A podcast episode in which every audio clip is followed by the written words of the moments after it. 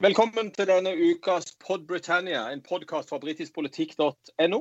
I studio i dag Jan Erik Mustad. Og temaet i denne uka her er eh, Elisabeth 2., den mektige monarken som har sittet på tronen fra 1952. Og vi har vært så heldige å få med oss Inger Merete Hobbelstad som er kommentator i Dagbladet, for hun har akkurat gitt ut boken 'Årene med Elisabeth'. We shall never surrender. The pride in who we are is not a part of our past. It defines our present and our future. The people of Scotland have spoken. England, Scotland, Wales, Northern Ireland, together, taking us forward, unleashing the potential of the whole country. Order! Velkommen, Inger Merete Hobbelstad. Tusen takk.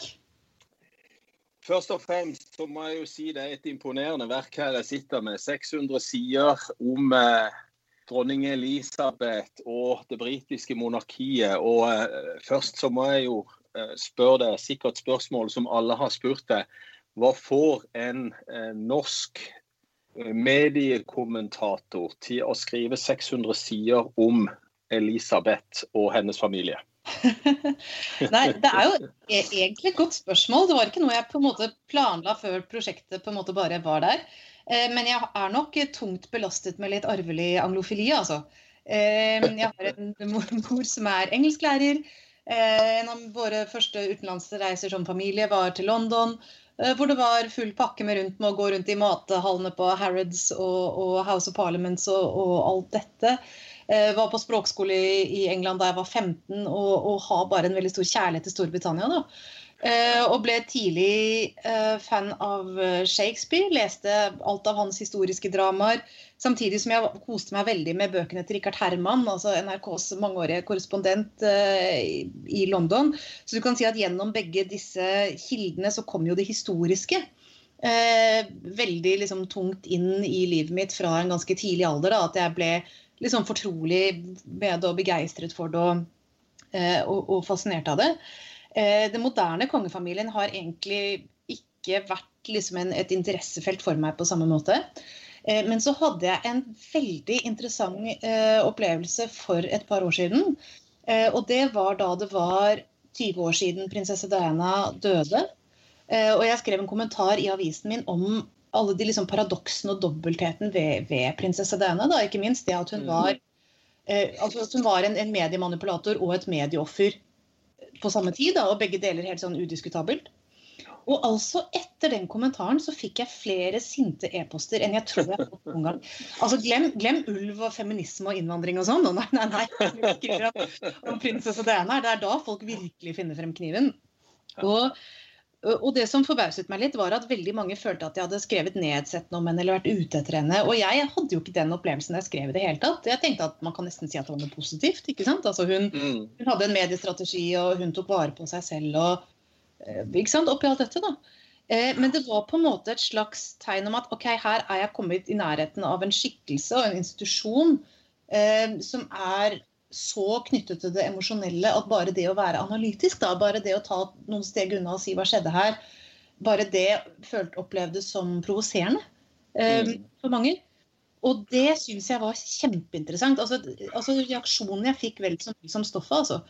Og, og, det var litt av grunnen til at jeg hadde lyst til å, til å skrive om dette. For jeg syns alt som vekker sterke følelser hos mange mennesker, liksom er iboende interessant. Da. Hva er det dette utløser? Og, og med en institusjon som monarkiet, og særlig det britiske monarkiet, så er det jo sånne massevis av bølgende følelsesmessige reaksjoner gjennom hele Elisabeths tid på tronen. ikke sant? Og, og som jeg syns var kjempespennende å skrive om. Vil du si at denne fascinasjonen som vi da også ser at, at vi her i Norge har eh, for det britiske monarkiet, holdt denne fascinasjonen seg for deg gjennom hele arbeidet? Ja, jeg vet du hva? Jeg syns nesten den, den, ble større. Ja. Og, og, det er noe med altså den, den, selvfølgeligheten man også her til lands uttaler seg av medlemmer av, uh, av den britiske kongefamilien. Da. Hvis du bare ser måten folk snakker om Meghan og Harry på nå, altså uttaler seg med den største selvfølge om hvem som e, det egentlig var som ville trekke seg ut av kongefamilien. ja. um, altså det, det, er på en måte noe med at, at man føler at man kjenner dem. Uh, de er en slags surrogatfamilie. Um, altså du kan si at Når det gjelder familier man følger gjennom de forskjellige livsfasene. Da, fra liksom, gjennom fødsel og dåp og konfirmasjon og bryllup og dåpen til deres egne barn. Og, og, og, over i begravelser. Altså, de familiene, Det er vår egen familie, og så er det familiene til vennene våre. Og så er det kongefamilien, ikke sant? som vi Mm. ser vokse opp de eldre. Um, og, og det gjør at, at veldig mange tror jeg føler rett og slett at de er ordentlig glad i dem. Uh, det, det gjelder selvfølgelig ikke alle, men, men for de som er opptatt av dette. da. Eh, og at de har helt genuine følelser for disse menneskene, og, og føler også at de kan uttale seg med en viss tyngde om, om hvorfor og hvordan ting skjer i livet deres. Eh, og det er også Mm. det jeg syns er, er spennende. Og så var det jo selvfølgelig også det med at det å gå inn i dette var en anledning til å gå inn i moderne britisk historie, da, og den voldsomme omkalfatringen som har skjedd med Storbritannias posisjon i verden, eh, britenes syn på seg selv, på hva britisk identitet er, som også er veldig tett sammenvevd med forholdet deres til monarkiet. da. Eh, og som jeg syns var kjempe, kjempegøy. Mm.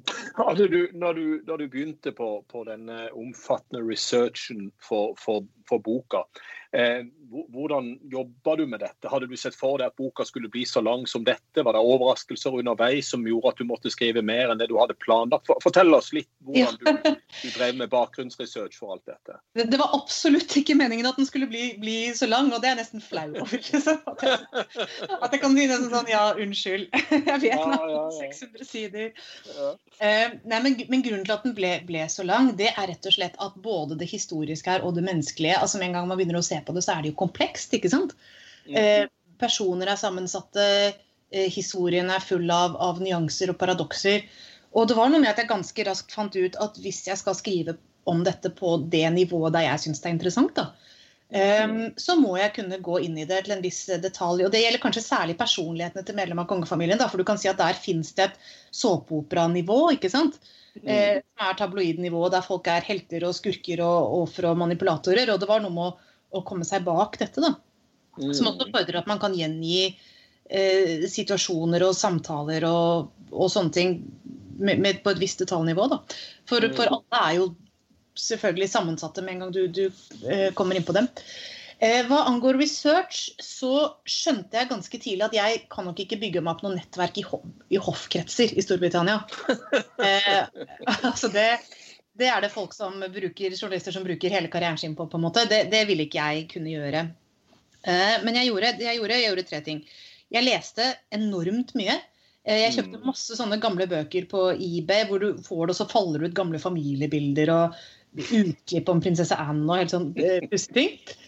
Eh, og så reiste jeg til alle de kongelige residensene. altså Jeg har vært på Sandringham og Balmoral og eh, Windsor selvfølgelig. og ikke sant, Bare vært der for liksom å kjenne på følelsen der og kunne beskrive det førstehånds. Så Var i Edinburgh, var på den kongelige yachten som ligger for tøy der. Sånne ting. Eh, og så har jeg snakket mye med britiske bekjente. Bare sånn om deres forhold til historien, til imperiet. Eh, jeg har en britisk kamerat som har, vært, eh, jeg har jobbet eh, tett med de som eier Cheam, den kostskolen der prins Charles og, og prins Philip gikk, så jeg kunne få litt sånn ordentlig bakgrunn for hvordan de organiserer ting. Mm. Eh, men du kan si at det som var, var utfordringen, var at fordi jeg i stor grad baserte meg på bøker, da, altså du kan si Ja. på andre reporteres og forfatteres arbeid, eh, så måtte jeg jo være veldig veldig kritisk i kildebruken. Og, og der hadde jeg noen sånne pussige opplevelser. Altså, for du kan si at det var, at Jeg, jeg dobbeltsjekket jo veldig liksom, sånn anekdoter og sånne ting. Eller prøvde å spore det til, til bunn da, av der jeg var. Eh, og det var en anekdote som jeg hadde veldig lyst til å skrive om, som sto i en biografi, som handlet om forholdet mellom dronning Elizabeth og Jim Callahan. Altså Ja. Labour-ministeren ikke sant, på 70-tallet. Mm. Og de to Mm. hadde et ganske fascinerende forhold. Mm. Fordi for, det, for det første så var Callahan altså Han hadde et ganske analytisk forhold til disse audiensene, da, hva de egentlig var. Eh, og han har uttalt seg om dem veldig innsiktsfullt, og, og, og han sier på en måte at det du får, er vennlighet, men ikke vennskap. Ikke sant? Så han så på en måte distinksjonen der. Og det gjorde nok Harold Wilson, som var veldig betatt av dronningen, ikke sant? Og, som, og som bare elsket disse audiensene. Og, og, og de hadde jo et veldig nært forhold. Så du kan si at Callahan har en litt større distanse til det. Men samtidig så hadde de også en litt nesten flørtete tone. Ja. Eh, og det var et sted der det sto at de hadde vært ute og gått i hagen på Buckingham Palace, og så hadde dronningen plukket en blomst, en lillekonvall, og plassert den i knappehullet hans. Det er jo litt flørtete gest, ikke sant? Ja, ja, det er jo det. Hvem, hvem, hvordan vet de dette? ikke sant? Hvem er det som, Var det noen som sto der og så det? Var det ikke sant? Jeg hadde ikke lyst til å bare skrive det bare som det sto. da. Og så måtte jeg søke meg til en, en bok bakover, og der var det ingenting. Der var det bare en ny fotnote. ikke sant? Og så en ny bok, og der var det en fotnote igjen. Eh, Og så på det fjerde boka så kom jeg til historien bak det. Og det var at Jim Callahan selv hadde kommet litt sånn gledesstrålende tilbake til Downing Street og fortalt at dronningen hadde plassert en lille i knappeland. Og så var det en av de som jobbet med i Downing Street, som hadde fortalt dette til en av biografiene. Da. da turte jeg å skrive det. så, jeg, har, jeg har på en måte gjort en del sporingsarbeid med, med sånne historier. Da. Du, du skriver jo sjøl at, eh, at boka på en måte ikke presenterer eh, noen ny informasjon, at du har brukt forskjellige typer kilder og satt sammen en, en slags narrativ eller en slags historie eh, ut fra de kildene du har brukt. Hva slags bok vil du si at dette er? Hvem, hvem er leserskaren for denne boka? Åh, vet du hva, det syns jeg er så vanskelig å si. Ja. Det, Nei, men, men altså, jeg, håper, altså, jeg håper at det er altså, Det er ment å være en slags essistisk, analytisk gjennomgang da, av det som har skjedd. Mm. Den er jo full av mine egne analyser, denne boken. mm, eh, Mine egne betraktninger om det som har skjedd. Og så er det et portrett av, av hovedpersonen og, og de som står rundt henne. Og litt av grunnen til at jeg tenkte at det var verdt å skrive, selv om jeg ikke kommer med noen sånne nyhetssteg, da, kan du si mm, det er jo at nå står man på en måte ved en korsvei på flere måter. da. Altså for, for altså, Det er jo bare å se i øynene at hun kommer ikke til å leve så veldig mye lenger. Hun ble ja. Eh, det kan godt bli noen år ennå. altså Dronningmoren ble jo 101, eh, som vi vet. Eh, hun hadde en tante som ble 102. Jeg var vel en inngiftet tante. jeg tenker meg om. Men, så de er jo seige, disse folka. Eh, men, men hennes tid på tronen går mot slutten, og, og det var jo også et sånt eh, veldig omkalfatrende periode for Storbritannia pga. brexit. ikke sant? Um, så det var på en måte et fint sted å gjøre opp regnskapet litt. Uh, og se bakover og si hva denne store, rare, langevarige historien, hva var den egentlig? Hva var det det handlet om? Hva fasene den har vært igjennom? Eh, hva sier det om Storbritannia? Hva sier det om monarkiet? Hva sier det om henne som, som person? da? Og at det virket egentlig som et naturlig punkt å ja, se litt bakover og, og se litt på, på hva hennes tid på tronen egentlig har vært. Du sa jo selv innledningsvis her, og også da vi prata litt på forhånd om, om boka di, at eh, du, du var mer interessert i historien til monarkiet enn nødvendigvis den kontemporære situasjonen til monarkiet. Så jeg vil bare spørre deg, Du skriver i forordet her, eh, og jeg siterer, fra en tid da de kongelige skulle være opphøyde, til en tid da de forventes å være nære og deltakende, har hun, altså dronning Elisabeth, holdt på sin integritet, ikke latt seg forføre av berømmelse eller bebreidelser, og sjelden røpet mer enn hva hun selv har villet. Kan du fortelle oss litt om disse fasene fra, fra begynnelsen av 50-tallet og fram til i dag, hvordan hun har sjonglert dette med nærhet og distanse?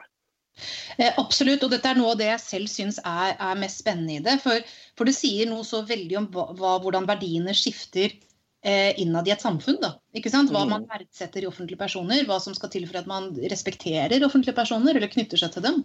Eh, som har vært i, i voldsom endring. ikke sant? Em, fordi hun var jo eh, vokst opp i en tid der man først og fremst skulle være verdig. ikke sant? Og, og Eh, og, og det å ikke røpe så mye hva en selv følte, altså hvor det ville ville, være sett på som upassende og ganske egoistisk, tror jeg. Det var ikke det det, det handlet om, da. ikke sant? Det handlet om at, at der oppe på den balkongen eller, eller på den kaia, så er det liksom et sånt eh, eh, prinsesseformet hull, og det skal du på en måte fylle som best du kan.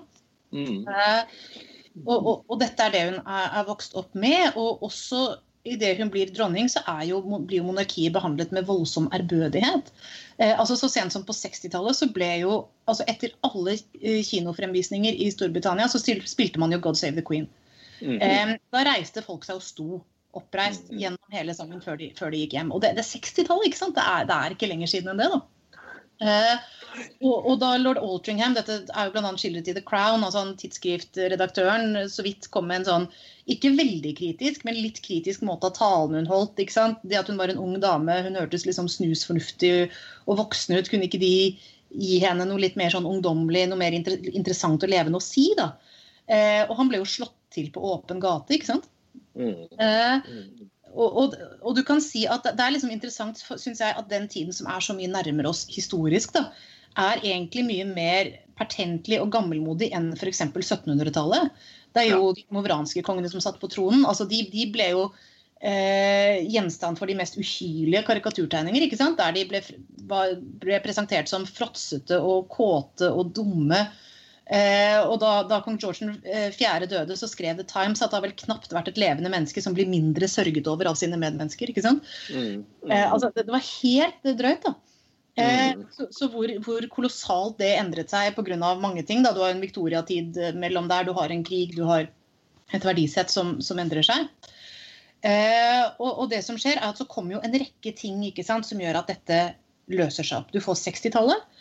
Eh, som blir begynnelsen på at man begynner å hugge inn i hierarkiet. ikke sant? Hvor man begynner å spørre seg er det egentlig slik at man skal ha krav på større ærbødighet, flere muligheter, fordi man er født inn i noe. Eh, og at det er, er andre måter å bli stjerne på. Da, ikke sant? At du ser fotografer, skuespillere, kunstnere. Eh, at folk kommer ingensteds fra, blir liksom tidens, eh, tidens store navn. Og hvor de som kanskje har navn bare fordi de har arvet dem, at det, det begynner å bli en mer sånn støvete og måte da, kan du si, å være, Mhm. være berømt på.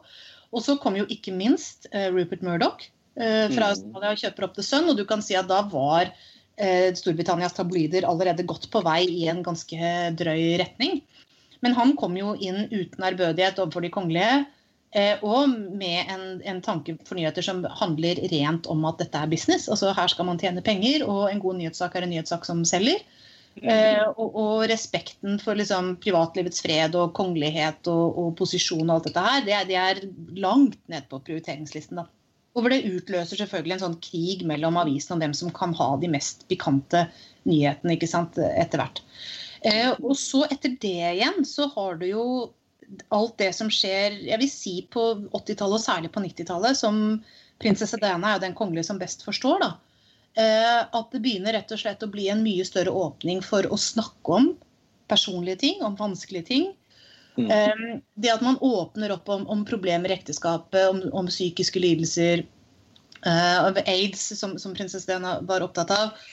Eh, altså hvor det, det kommer inn og blir noe helt nytt. og blir et nytt sånn, Først et nytt liksom bånd mellom offentlige personer og publikum, og så etter hvert en forventning. Ikke sant? Eh, at, at det å være fjern, at det å liksom holde følelsene sine for seg selv, at, at det blir forstått som at du er hemmet liksom, eller, eller egoistisk, eller at du ikke vil dele av deg selv. og Det vender seg mot dronningen veldig etter at Diana dør. og folk liksom, 'Hvorfor er du ikke her og gråter med oss?' ikke sant? Mm. kan du si at Da har det snudd seg helt 180 grader eh, fra, fra tiden da hun vokste opp i. da. Eh, og, som, og som jeg tenker må være forferdelig krevende å navigere. altså Det at verdisystemet skifter så drastisk. da, All den tid du er en offentlig person og blir, blir vurdert for det du sier og gjør. Og, og så må jeg si at altså jeg har jo blitt litt eh, hva skal jeg si, beskyttende selv mens jeg har holdt på dette. Jeg føler jo at, eh, at, det, at det, er, det er vanskelig ikke å bli litt på hennes parti. Altså. Det var sånn jeg lurte på når jeg, da jeg begynte å jobbe med det. Kommer jeg til å like henne mer eller mindre etter å ha satt meg inn i det? Og jeg endte opp med å like henne mer enn hva jeg gjorde før. For jeg syns det er litt kult at hun ikke har gitt etter, på en måte. Eh, altså Hun er jo naturlig introvert. Hun er veldig opptatt av å være profesjonell og skikkelig og ulastelig. Eh, og at hun lar folk ok, Hvis de vil tenke feil ting om henne, eller ting som hun ikke kjenner seg igjen i, så er det greit, på en måte. Hun rykker ikke ut og korrigerer det, eller, eller sitter med tårevåte øyne foran kamera, eller Ikke sant? Hun bare hun Mm. Har, er virkelig, og mer av liksom, naturen av posisjon, er rett og slett hevet over det der. Det er sikkert litt, be, be, eh, litt oppdragelse, eh, sikkert litt hennes personlighet. Eh, men jeg syns jo det vitner om et, en, en sterk integritet, for det er jo virkelig ikke sånn at presset ikke har vært der, for å si det sånn. Um, og, og jeg tenker også at det gjør litt at hun har bevart en viss autoritet. da, For hun er jo blitt en slags morskikkelse etter hvert. Og du Mm. vil jo ikke at mor friker ut, på en måte. Nei? Nei, ikke når du er 94 iallfall. Men jeg, jeg tenkte på, på, på hvordan, hvordan tror du dette med denne integriteten som du nevner som en viktig egenskap gjennom egentlig hele perioden, alle disse tiårene, tror du det er en av grunnene til populariteten også, og at eh, populariteten til monarkiet har holdt seg sånn eh, som det har? Eh, absolutt. Og jeg tror det kommer til å bli litt interessant å se hva som kommer til å skje med prins Charles nå, som er en mye mer omstridt skikkelse, og som Mm. har vært mye mer åpen på alle måter. da. Både om sine egne følelser og ikke minst om sine egne iblant kontroversielle ståsteder i forskjellige eh, politiske saker. Men du kan si at litt av grunnen til at dronningen tror jeg nå får betalt for å ha såpass, eh, for å ha beskyttet seg selv, da, ikke utlevert seg selv i større grad, det er jo at vi kan provisere hva som helst inn i henne. For vi vet såpass lite om hva hun egentlig tenker og føler. da. Eh, og det er Og det er bra for folket at de har dette ambivalente forholdet til henne, kanskje? da. Ja, ikke sant? Men altså, veldig mange ser for seg at du kunne vært venner med dronningen. Eh, At du kunne Ja, sittet og tatt en te med henne, og det ville vært egentlig ganske koselig. Um, Mm. og, og du kan si at hadde vi visst mer om hva som er hennes tanker om, om de tingene vi er uenige om, da. Ikke sant? Mm. Um, så, så ville man ikke like lett kunne sett, sett for seg det. Så du kan si at ved å være så, såpass utydelig, så er du på en måte potensielt alles beste venn også, ikke sant? Og, og jeg tror det har vært en veldig styrke eh, for den institusjonen. Altså, rett og slett så tenker jeg at personlighetsmessig så passer hun veldig godt til rollen hun har hatt. Siste spørsmål. Hvis du nå ble invitert til til audiens klokka fire på Buckingham Palace, hva ville du spurt dronning Elisabeth om hvis du fikk muligheten til å stille ett spørsmål? Å, hjelp meg. Eh, altså, saken er at De virkelig interessante spørsmålene ville hun jo aldri svart på. ikke sant? Eh, så det er eh, Så det er eh, noe der. Men det var jo noen som stilte Det er jo en sånn liten historie som jeg elsker. Eh, Som var fra et av hageselskapene på Buckingham Palace, hvor det var en som stilte et veldig godt spørsmål. Fordi Hun er rundt, ikke sant? Hun og prins Philip sirkulerer rundt og snakker med gjester og spør hvordan kom dere hit, og hva, hva driver dere med og sånn. Eh, og så hadde hun spurt en av gjestene liksom, hva de jobbet med og drev med. Og sånn. Og så hadde gjesten sagt ja, men, og, og du, hva gjør du? Og så da dronning, hadde dronningen gjenfortalt dette, gjenfortalt dette et par dager senere. Da, og så hadde hun sagt at vet du hva, jeg ante ikke hva jeg skulle svare. Nei. Nei. Fordi, hva gjør du? Hva... Ja. Nei. Ehm, så kanskje, kanskje jeg skulle stilt det spørsmålet. Hva driver du med? Ikke sant. Hva gjør du? Ja. Tusen takk skal du ha, Inger Merete Robbelstad. Vi kan trygt anbefale som alle de gode anmeldelsene denne boka 'Årene med Elisabeth' som kom ut i fjor på Kagge forlag. Tusen takk for at du var med. Selv takk. Tusen takk. We shall never surrender. The pride in who we are is not a part of our past. It defines our present and our future. The people of Scotland have spoken. England, Scotland, Wales, Northern Ireland, together, taking us forward, unleashing the potential of the whole country. Order!